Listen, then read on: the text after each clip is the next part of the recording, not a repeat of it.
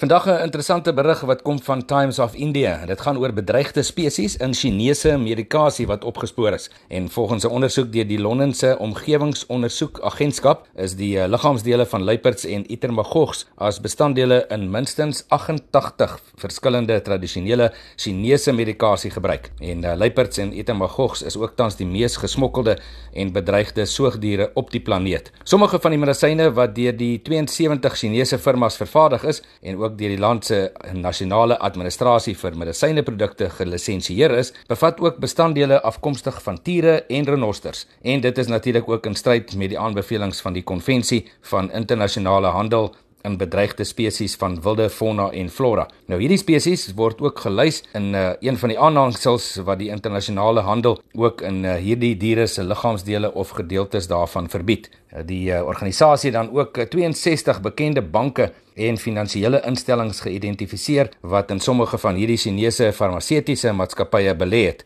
Besonderhede rondom hierdie instellings en ook hierdie bevindinge is vervat in die verslag investing in extinction, how global sector profits from traditional medicine firms using threatened species. Al hierdie inligting wat dan kom van Times of India.